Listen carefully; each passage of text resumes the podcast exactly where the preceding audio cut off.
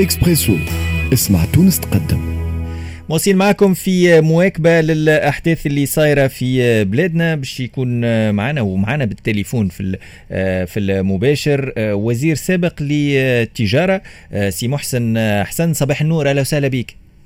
صباح الخير تحية ليك تحية للسادة المستمعين وبارك الله فيكم على الاستضافة. مرحبا سي محسن. كانت مرحبا. لك تجربة على رأس وزارة التجارة. من خلال هالتجربة هذه نحب ناخذ تعليقك على القرارات الأخيرة بتحديد هوامش الربح في أكثر من منتوج. في تقديرك هل أنه هالقرارات هذه قادرة كوني تحد من ارتفاع الأسعار؟ بارك الله فيك. هو سي وليد كي ناخذ بعين الاعتبار الوضع الحالي في البلاد وخاصة من حيث ارتفاع نسبة التضخم. حبيت نذكر وأنه في الشهر الفارط نسبة التضخم وصلت 6.4% مقابل 5.7% في شهر جوان طبعا من السنة الحالية. ومن المتوقع أنه في نهاية أوت الحالي السنة الحالية التضخم باش يزيد يرتفع نظرا لما شهدته بلادنا من ارتفاع للأسعار في عديد المواد الأساسية.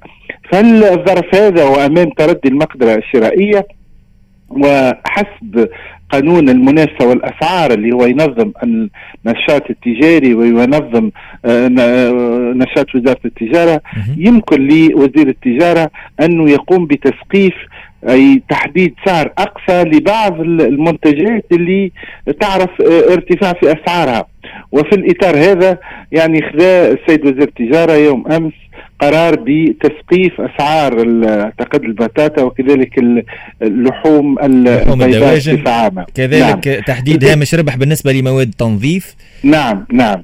أنا في من وجهة نظري اولا هذا إجراء قانوني يخول قانون المنافسة والأسعار ثم حاجة ثانية إجراء هذا نعتبره ظرفي ما يحلش المشكل ولكن هو آه، ضروري لأنه أصله في الشيء هو حرية الأسعار والمنافسة يعني على آه، في مستوى الأسعار. أنا في آه، اعتقادي عملية تحديد الأسعار كما تمت المرة هذه من قبل وزارة التجارة يلزمها آه، ما تكونش بصفة اعتباطية، يلزمها تخضع إلى دراسة واضحة وجلية لهيكلة الكلفة وكلفة الإنتاج بدقة. حتى يقع تعديد السعر آه، بطريقة أنه ما تضرش المنتج. لأنه لو نحدد سعر أقل من كلفة الإنتاج وما تغطيش كلفة الإنتاج يا خيبة المسعى. وبالتالي أعتقد وأنه إذا كان السيد وزير التجارة يحب يمارس حقه في تحديد أسعار بعض المنتجات فيجب الاستعانة بأهل الخبرة يجب الاستعانة بالهياكل المهنية يجب الاستعانة والتشاور مع المنظمات الوطنية حتى يكون السعر المحدد يعني آه، يغطي آه، آه، كلفة الإنتاج مع هامش ربح معقول. ولكن سي وليد خلينا نبداو يعني موضوعيين. راهو إذا أردنا التحكم في التضخم وإذا أردنا التحكم في الأسعار وترميم المقدرة الشرائية الحلول لازمها تكون هيكلية ودائمة. والحلول تجي من زوز أطراف. أول حاجة الحكومة وممثله في وزارة التجارة. وزارة التجارة ومختلف هياكلها هي المؤتمنة على انتظامية تزويد السوق بمختلف المواد. وهي المؤتمنة أيضا على أن الأسعار تكون في المتناول. عندنا طرف ثاني عنده دخل كبير في تحديد الأسعار من خلال السياسة النقدية اللي هو البنك المركزي، البنك المركزي هو المؤتمن على التحكم في التضخم، اذا عندنا زوج متدخلين، الحكومة والبنك المركزي، ولابد انه يكون فيه تنسيق بيناتهم، ترى خلينا نشوفوا شنو يجب أن تقوم به الحكومة من وجهة نظري حتى تكون الأسعار قادرة على المحافظة على القدرة الشرائية للمواطن. لأنه الهدف الأساسي من أي عملية تجارية أو اقتصادية هو المواطن. لازم يكون في عنده قدرة شرائية قادرة آه، يعني آه، مقبولة. الحاجة الأولى آه، دائما إذا كان نحكيه على تدخل الحكومة يجب أن يكون أساسا هيكلي ويضمن حرية الأسعار. هذا المبدأ الأساسي يجب نحافظ عليه. الحاجة الأولى والاساسيه هي لازم تكون عندنا سياسات قطاعية متطورة. يلزم تكون عندنا أولا فلاحة عصرية. نقولوا فلاحة عصرية فيها ما يكفي من الإنتاج الفلاحي. تنافسية المنتجات الفلاحية وجودتها تكون جيدة. أيضا هذا يتطلب أن السياسة الفلاحية تكون مبنية على أسس ثابتة وتقع معالجة الإخلالات اللي يعاني منها القطاع هذا على مستوى مياه الري على مستوى صغر المستغلات الفلاحية على مستوى تمويل القطاع الفلاحي. هذه المعزلة الكبيرة وغيرها من المشاكل اللي يعرفها القطاع الفلاحي. واللي هي, واللي هي مشاكل مشاكل هيكلية ويصعب كوننا نتجاوزوها على المدى القصير معناها يلزمها عمل يلزمها عمل ينطلق من الآن وعمل واضح ونعاود ونقول راهم غير سياسات قطاعية جديدة متطورة ما احناش باش نخرج من الأزمة الاقتصادية. عندنا أيضا قطاع الصيد البحري. إذا كان نحبوا نتحكموا في أسعار الأسماك يلزم يكون عندنا منظومة نتاع صيد بحري متطورة وتطوير آه، تأهيل الموانئ وتجديد الأسطول. هذه كلها استثمارات لازم الدولة تشجع عليها حتى نتمكن من تحقيق آه، انتظامية تزويد السوق بالأسماك وكذلك تكون في آه، أسعار جيدة. في نفس الوقت في الإطار هذا بجانب الفلاحة عندنا التصرف في المنظومات الفلاحية وهذه مربط الفرس وليد لأنه خلال الاشراف على وزارة التجارة كان وزارة التجارة تشرف على لجنة المنظومات اللي هي تعتبر من أهم اللجان في الحكومة التونسية ومن لجنة المنظومات شنو دورها لجنة المنظومات؟ يعطيك الصحة فيها سيد وزير التجارة، سيد وزير الصناعة، سيد وزير الفلاحة وكل الهياكل المهنية والمنظمات الوطنية.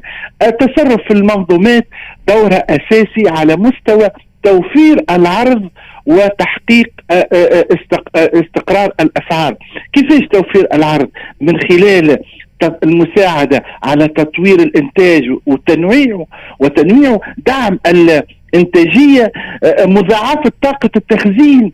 نحب نذكر ونقول راهو التخزين عنصر أساسي من عناصر التصرف في المنظومات الفلاحية. ما نجموش تكون عندنا منظومات فلاحية متطورة وتكون عندنا أسعار مقبولة. إذا كان ما عندناش منظومة تخزين متطورة والدولة استثمرت مئات الملايين من الدينارات في التخزين وبالتالي مش ممكن اليوم نشيطن المستثمرين في هذا القطاع. هذا القطاع فيه الناس اللي تحترم القانون وفيه الناس اللي ما تحترمش القانون. لابد من أنه يعني يقع التعامل معها وفق القانون. اذا العنصر الأول هو التصرف في المنظومات الفلاحية. وطبعا يعني آه، آه، آه، مسألة سياسة أسعار المنتجات الفلاحية. هذه أيضا تدرس داخل المنظومات الفلاحية. إذا العنصر الأول والأساسي في الباب هذا كما قلت هو تطوير سياسة التصرف في المنظومات الفلاحية. بمشاركة يعني كل الأطراف المتداخلة من وزارات وهياكل مهنية وهذا من شأنه أن يحقق انتظامية تزويد المواد الفلاحية وتعديل السوق من خلال التخزين وأحيانا التوريد والتصدير إذا كان فما فائض إنتاج والتخزين إذا كان فما فائض إنتاج. وطبعا التصرف في المنظومات هو الأساس للأسف الشديد بعد 2017 وقع آه، تحويل لجنه المنظومات إلى رئاسة الحكومة والنشاط نتاعها ما عادش آه، في نفس الوتيرة. دائما في نفس الإطار أي إطار القطاع الفلاحي والصيد البحري عندنا مسألة الدعم. ما فما مسألة أساسية في اعتقادي لابد باش نرجعوا لها. راهو دعم لابد أن يوجه للإنتاج. إذا كان نحبوا أسعار الدواجن تكون في المقبول يلزم ندعم الفلاح في كلفة الإنتاج في كلفة الأعلاف والدواء وما إلى غير ذلك. اذا الدعم في اعتقادي وهذه قناعة لدى عديد المتدخلين يجب يجب أن يوجه إلى الإنتاج وليس إلى المستهلك النهائي حتى تكون عندنا كلفه نتاع إنتاج مقبولة وحتى تكون عندنا أسعار قابلة للمنافسة. في صوره في صوره في صوره في النقطة نعم. هذه في صورة آه كونه ما نمشيوش في اتجاه دعم المنتج وأنا ما نمشيو في سياسة كما اللي مشينا فيها توا اللي هي تحديد سقف للأسعار. شنو ينجم يكون تأثير هذايا على المنتج سواء كان فلاح ولا غير فلاح؟ طبعا إذا كان ما يقعش دعم الفلاح عند الإنتاج ونمشيو في سياسة تحديد الأسعار آه، قد بدون مراعاة كلفة الإنتاج وبدون مراعاة هامش ربح معقول للفلاح أو الاصطناعي فإنه النتيجة المباشرة هو انهيار المنظومة لا قدر الله وهذا اللي ما نحبوش. إحنا ما يجب أن يكون هو إصلاح هيكلي للمنظومة حتى تكون عندها قدرة تنافسية.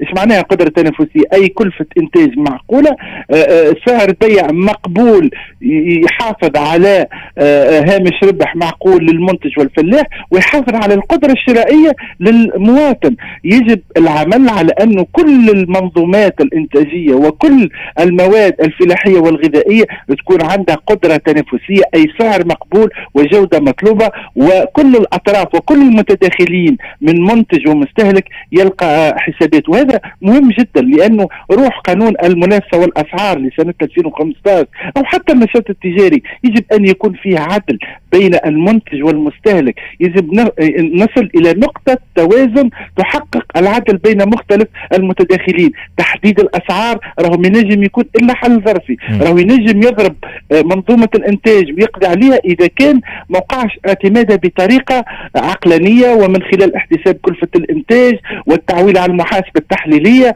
والتعويل على الهياكل المهنية. وهذا عمل فيه متابعة أيضا. وحتى تحديد الأسعار يجب أن يكون آه، إذا كان مشينا في سياسة تحديد الأسعار اللي هو ما نحبوش شخصيا لأنه المبدأ آه، والأساس هو حرية الأسعار يجب أن تكون في مراجعة دورية. ومثال بسيط ما حدث في قطاع الحديد رغم أني آه، اعتبر أنه فيه ممارسات احتكارية ولكن أيضا لابد أن نقول انه الصناعيين آه، تضرروا جراء عدم مراجعة الأسعار لأنه كلفة المواد الأولية ارتفعت ولم تقع مراجعتها. هذا على المستوى القطاع الفلاحي ونفس الشيء القطاع الصناعي. يلزم تكون عندنا سياسة صناعية متنوعة تقوم على تنويع العرض تقوم على تطوير des chaînes de valeur locales معناها سلاسل القيم وطنية تقوم على الاندماج في les chaînes de valeur على المستوى الدولي وتكون عندنا منتجات صناعية آه، آه، تحقق آه، اولا تزويد السوق وتكون تنافسية وتكون يعني ذات جودة وذات سعر وعندها سعر مقبول. اليوم القطاع الثالث المهم في العملية هو القطاع التجاري. راهو ردوا بالنا مسألة التحكم في الأسعار وانتظامية التزويد ينجم يكون عندنا سياسة آه، آه، آه، فلاحية وسياسة منظومات فلاحية متطورة وسياسة صناعية متطورة إذا كان ما عندناش سياسة تجارية واضحة وقطاع تجاري متطور فإنه يا خيبة المسعى التكامل بين الثلاث قطاعات ضروري والقطاع التجاري في اعتقادي حتى نتمكنوا بس تكون عندنا أسعار تراعي المقدرة الشرائية وتراعي أيضا المؤسسة يلزم أولا العمل على تأهيل مسالك التوزيع. وهنا راهو فما لبس كبير. راهو مسالك التوزيع هي مجموعة من الحلقات المترابطة اللي تبدأ بعد الإنتاج حتى نوصل للاستهلاك. وكي نحكيو على مسالك التوزيع نحكيو على الأسواق ولوم الأسواق راه ما فماش كان سوق الجمعة ولا سوق, سوق الجملة فما أسواق الإنتاج. وهذا اللي حبيت نعمله أسواق الإنتاج ضرورية جدا. معناها معناها من المنتج إلى المستهلك؟ لا لا لا لا لا, لا يعطيك بربي خلينا بس أسواق الإنتاج هي مراكز بين المنتج وتجار الجملة. ولكن بالاضافه شو اضافتها على أسواق الجملة؟ فيها مراكز للتخزين فيها مراكز للتعبئة فيها مراكز لتشجيع التصدير. يعني c'est un centre intégré يكون فيه كل العمليات المتعلقة بمرحلة ما بعد الإنتاج من تخزين وتعبئة وتصدير وتوزيع للسوق الداخلية. يعني اليوم من الضرورة الضرورة تقتضي باش تكون عندنا شبكة من أسواق الإنتاج. كما سوق الإنتاج اللي في سيدي بوزيد نحكي عليه سيد الرئيس مؤخرا. يعني هذاك من الأسواق اللي حاولنا نبعثوها. وعندنا سنوات عديدة. عندنا سوق الإنتاج نتاع التمور في قبلي وفي توزر. سوق القوارص في منزل بوزلفة. علاش القوارص تباع على قريعة الطريق من قبل الفلاحة؟ لو كان عندنا سوق إنتاج متطور نقضيه على الانتصاب الفوضوي ونحكيه ونقضيه على الانتصاب خارج المسالك المنظمة وتكون عندنا أسواق إنتاج متطورة. المرحلة الثانية أسواق الجملة. اليوم حابين عندنا تجربة في سوق الجملة ببير القسعة حابين نعممها. لابد من تأهيل أسواق الجملة تكون فيها استعمال الرقمنة والبزاج الإلكترونيك وتكون فيه ضمان لشفافية المعاملات. وكل في الدخول السوق للفلاح تكون ضعيفة. ونشجع الفلاح على أنه يمشي إلى سوق الجملة من خلال تجميعه في تعاونيات وتعاضديات صغيرة. وأسواق الإنتاج عندنا potentiel كبير يلو بير القصعة فيها réserve foncière 22 hectares وحاولت تعمل فيها مشروع ما يكلف الدولة حتى مليم المشروع هذا تكون فيه وحدات للتبريد تكون فيه وحدات للتعبئة تكون فيه وحدات تشجع على تصدير المواد الفلاحية. وأنا كانت عندي تجربة في رنجيس ونعرف أهمية أسواق الجملة. ويلزم تكون فيه شراكة مع أسواق الجملة في الخارج لأنه عندهم سافوار فير كبير. الحاجة الثالثه سوق البلدية. الأسواق البلدية مهملة. للأسف الشديد ولا تستجيب للشروط الصحية. الاسواق الأسبوعية ما نحكيوش عليها. تراب وفوضى والبلديات والوزارة التجارة للأسف ما نجمتش تقوم بتأهيل هذه الأسواق. اذا المرحلة الأولى إذا كان تبدأ عندنا مسالك توزيع متطورة مضمون فيها شفافية المعاملات يلزم نأهلوا الأسواق وتكون عندنا شبكة مترابطة من الأسواق اللي كنا نحكي عليهم تحقق انتظامية التزويد وتحقق شفافية الأسعار وهذا مهم جدا. عندنا النقطة الثانية الرئيسية في القطاع التجاري مسألة المراقبة الاقتصادية. رانا قاعدين نحملوا في في وزارة التجارة أكثر مما تحتمل. راه ب 600 عون مراقبة اقتصادية. ما تنجمش تمشي لبعيد. اليوم في اعتقادي يلزم نخلقوا جهاز مستقل عنده الأوتونومي على المستوى المالي والإداري ويكون يعنى بالمراقبة الاقتصادية. وندعموه بشريا وماديا ولوجستيا وحتى قانونيا. نحميه الأعوان اللي يخدموا في المراقبة الاقتصادية. بربي الشرطة البلدية. علاش شرطه البيئة.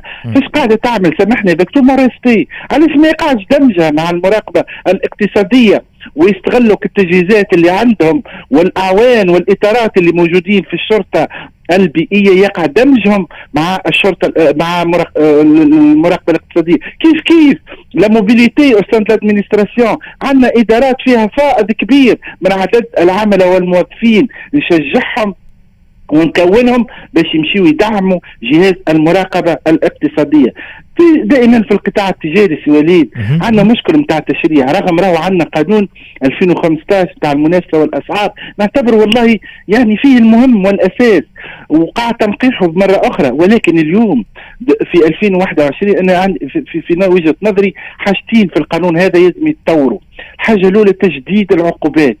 راهو إذا كان ما عندناش ردع وعقوبات آه، آه، آه، يعني رادعه وتجريم الانتصاب خارج مسالك التوزيع المنظمة وتجريم الاحتكار وتجريم التهريب. يلزم تجديد العقوبات ومراجعة القانون في الإطار هذا. حاجة ثانية عندنا مجلس المنافسة.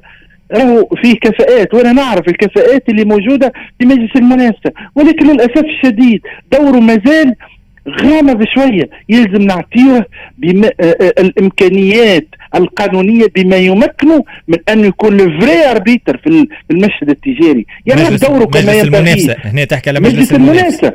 طبعا مجلس المنافسة يكون آه، يعني شبيه بمحكمة تجارية عندها قوة إنفاذ القانون وقوة إنفاذ قراراتها. يلزم نلقاو الآليات القانونية لذلك.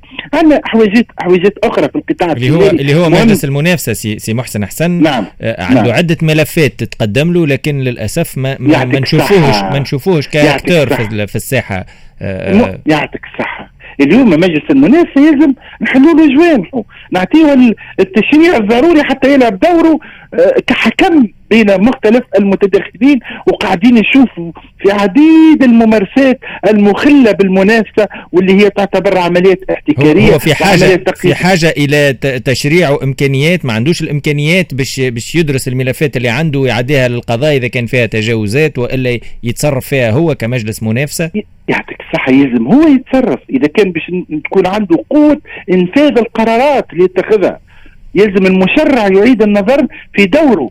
دور مجلس المنافسه مش فقط اتخاذ قرارات وتترك في الرفوف يلزم عنده قوة لإنفاذ هذه القرارات وتكون عندها صبغة إلزامية على المؤسسات. كما أي محكمة كما أي هيئة تحكيمية. يعني هذا مهم جدا. عندنا مسائل أخرى دائما في القطاع التجاري آه، سياسة التراخيص. راهو إذا كان كل ما كثر التراخيص في البلاد إلا وكثر الفساد وكثرة الرشوة وكثر البيع خارج مسالك المنظمة. نأخذ مثال بسيط ال ال الكحول مثلا ولا غيرها. يعني كل ما كثرت لما معروف الحصول على تراخيص كما اللي ذكرتها يعني هي سبب من أسباب الفساد في البلاد. علاش نخليو فيها؟ خلي قانون العرض والطلب وخلي الإدارة تراقب مراقبة بعديه أنا في اعتقادي مسألة التراخيص هذه لابد من القضاء عليها حتى ما تكونش مصدر من مصادر الاحتكار وارتفاع الأسعار. في كل القطاعات. في كل القطاعات في كل القطاعات. طبعا طبعا. وحاجه أخرى سياسة الأسعار. أنا ضد أنه يكون في ما عدا في بعض المواد الاستراتيجية. ضد أنه الدولة تتدخل لتحديد السعر. هكذا. أنا في مرحلة متقدمة بعد الإصلاحات اللي حكينا عليها يظهر لازم نمشيو نهائيا مع ترك تحديد السعر للسوق لقانون العرض والطلب. وإذا كانت الدولة تحب تتحكم في السعر مش من خلال تحديده. الدولة يمكن لها أن تحد السعر من خلال تنويع العرض عبر الشركات العمومية. عندنا نسيج من الشركات العمومية مثلا في الحديد عندنا الفولاذ نأهلها ونيكلها حتى تساهم في تعديل العرض. عندنا آلية الامتيازات الجبائية والمالية. إذا كان نحب نقلص من سعر اي منتوج نقلص له من الأعباء الجبائية أو من المعاليم الديوانية حتى نخفض من كلفة الإنتاج، إذا كانت الدولة تحب تنقص من سعر اي ماده أساسية يلزم نجم ندعموا الإنتاج، وهذا المعمول به في بقية دول العالم، أما أنك تجي للسوق وتحدد سعر هكذا أحيانا دون دراسة ودون محاسبة تحليليه، هذا فيه ظلم للمستهلك وفيه ظلم للمؤسسة، وإحنا يلزم كيما نعمل باش نحافظ على المؤسسة والنسيج الاقتصادي وخاصة القطاع الخاص اللي ما يلزمش نشيطنوه كل مرة ونفهم عملية احتكارية ونفهم عملية مخالفة للقانون. وكما أيضا نحافظ على المستهلك باعتباره دوره الاجتماعي والاقتصادي. باهي سي محسن حسن كوزير نعم. تجارة نعم. سابق آه، في العشر سنوات الأخيرة فما منظومة اللي حكينا عليها أكثر من مرة وصعب بالكاشف وظهر بالكاشف كونه من الصعب التحكم فيها اللي هي مسالك التوزيع. اليوم فما فما آه، وسطاء ولو الوساطة راهي مهنة آه، من المفروض تكون مقننة وفيها أطر وفيها آه، معناها نواميس نتاع عمل اليوم فما فما هالمسالك هذه اللي هي تبدو خارج السيطرة. في في دقيقة في بعض رؤوس الأقلام شنو الإجراءات اللي يمكن اتخاذها لمزيد التحكم في مسالك التوزيع. يعطيك الصحة. بربي أقل من ثانية بالإضافة إلى ما قلناه للتحكم في الأسعار عندنا دور البنك المركزي. م. البنك المركزي ديما يلزم تكون عنده لكن مبدأ الاستقلالية. م. الاستقلالية البنك المركزي راي مكسب وطني مهم جدا. واضح. ولابد أنه سياسة البنك المركزي تكون سياسة تقليدية تستهدف التضخم. ونقلصوا من اللجوء للبنك المركزي باش نمولوا العجز في ميزانية الدولة حتى نتحكم في الأسعار ونتحكم في التضخم. واضح بالنسبة لمسالك التوزيع مهم جدا جدا الكلام اللي تقول فيه. راهو تعدد الوسطاء هو أحد أهم أسباب ارتفاع الأسعار. إحنا إذا كان نريد الحد من عدد الوسطاء نطبق ما قلته. ننشئ شبكة من الأسواق ونشجع المنتج الصغير اللي موجود في المكنين ولا تبلبة ولا سويسي ولا بنزرت نشجعه باش يمشي لسوق الإنتاج أو سوق الجملة باش يبيع بضاعته. وهذا يتطلب أن الدولة تعمل مجهود واتحاد الفلاحين يعمل مجهود لتجميع صغار الفلاحين في تعاضديات. وهنا يجي دور الاقتصاد الاجتماعي والتضامني. يا سي وليد راهو كل شيء مرتبط ببعضه. صحيح. لابد أنه الاقتصاد الاجتماعي والتضامني يلعب دوره في مجال تشجيع تجميع بيع صغار صغار الفلاحين حتى ما يمشيش يبيع بضاعته وتتباع على قريعة الطريق. حاجة ثانية تجريم ونختموا بها تجريم البيع خارج الأطر المنظمة. مش معقول. يلوم تلقى تحت قنطرة يعني كميونة فيها الخضرة وفيها الغلة وقاعد يبيع هكذا بدون مراقبة. والأدهى والأمر أنا المرة اللي فاتت شفت أحد ولاة تونس الكبرى واقف وياخذ في في الخضرة والغلة من كميونة منتسبة بطريقة غير قانونية. واضح. القضاء على الانتصاب خارج الأسواق بقوة القانون ومن خلال تنقيح القانون. مع المراقبه الاقتصادية وإن شاء الله بلادنا من حسن إلى أحسن. جزيل الشكر ليك سي محسن حسن وزير سابق للتجارة موجز الثمانية ونص éco sport وراجعين في باقي حواراتنا حتى للتسعة في إكسبريسو.